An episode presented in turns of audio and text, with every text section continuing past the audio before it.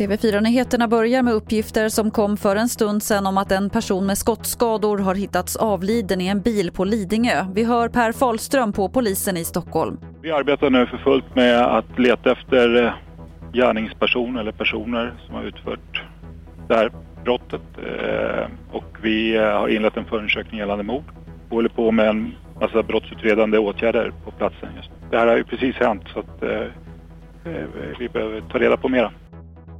Och en längre intervju med Per Fahlström på polisen i Stockholm finns på tv4play.se. Det ligger fortfarande ett viktigt meddelande till allmänheten ute i Älvsbyn i Norrbotten efter branden i Polarbröds fabrik i natt. Det finns risk för gasutsläpp av ammoniak och räddningstjänsten uppmanar alla som är i området att stanna inomhus och stänga dörrar, fönster och ventilation. Ingen människa ska ha kommit till skada i branden men fabriken är så gott som totalförstörd. Till sist kan vi berätta att rederiet Viking Line ska skära ner på personal och har inlett förhandlingar med facket. I ett pressmeddelande skriver de att syftet är att effektivisera och dra ner på kostnader. Och I Sverige är det 110 anställda som berörs.